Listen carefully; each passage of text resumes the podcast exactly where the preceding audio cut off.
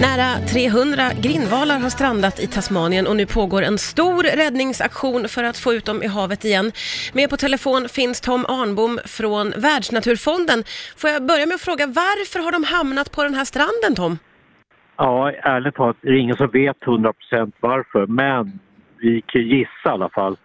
Det, är, det här är egentligen, det är faktiskt mer än 200, det är 500 valar nu som Och det har är fastnat så där. många, herregud! Ja, man har upptäckt en ny flock och nästan alla är döda redan där. Nej, An- Tyvärr. Så det, men anledningen till att de kommer nära stranden eller går upp på stranden är att de här är havslevande, lever långt från land normalt. Mm.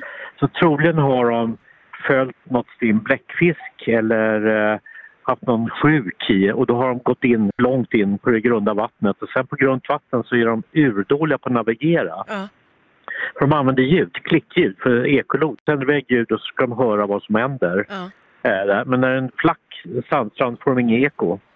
Då simmar de bara längre in och så kommer de in på ett vatten och så blir det tidvatten så går vattnet ner. Då fastnar de. Men, men det här att det är så himla många, är det för att hela flocken gör likadant? Ja, och det är, de här flockarna är ju supertajta. Alla är släkt med varandra och de är lite unika för det är, hos grindvalarna så är det så att alla stammar, stannar med sin mamma, både söner och döttrar, hela livet. Oj!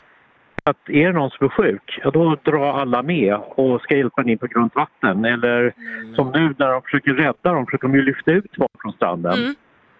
Eh, och kommer de ut, ja, då risken är att de simmar in igen för de ska tillbaka till flocken. Man lämnar inte sin flock. Nej men gud, det är en otrolig utmaning då att få dem att stanna kvar ute i havet. Ja, exakt. Det gäller ju att hitta ledarvalarna. Det är ju liksom mormors mormor. Kan, kan, man, ur- kan man urskilja dem? Nej, det är, det är, man får ta och gå på de största helt enkelt. Men det är inte säkert att man hittar rätt. Nej. Och är det då 270 som det var på en strand här då.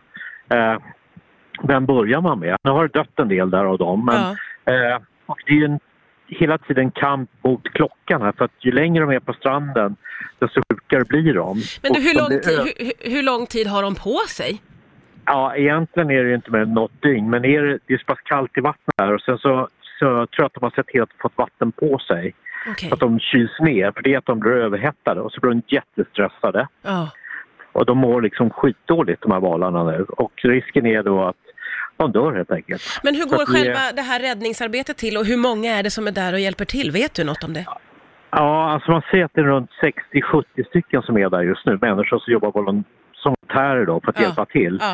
Eh, det räcker ju inte alls för du kan behöva 5-6 personer bara för en enda val. Mm. För att försöka lyfta ut den.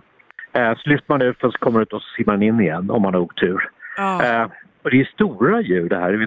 De kan bli 5-6 meter långa och väga ja, 2-3 ton, de största. Otroligt utmanande för de som försöker få ut Just det här med att de vill tillbaka till sin flock, det låter ju som att det kan bli ett moment 22 av alltihopa. Ja, ja tyvärr är det ju det. Så, men, har vi tur så liksom får de ut ledarvalen så kanske de andra sticker därifrån. Ja, ja. Om det är någon sjuk så säger man att man ska försöka hitta de sjuka. Men vem är sjuk av de här 200? Ja, Nu, är, nu, nu, är de ju, nu mår de ju risigt. Så att, Ja. eh, eh, jag tror tyvärr att jag säger att de flesta kommer dö.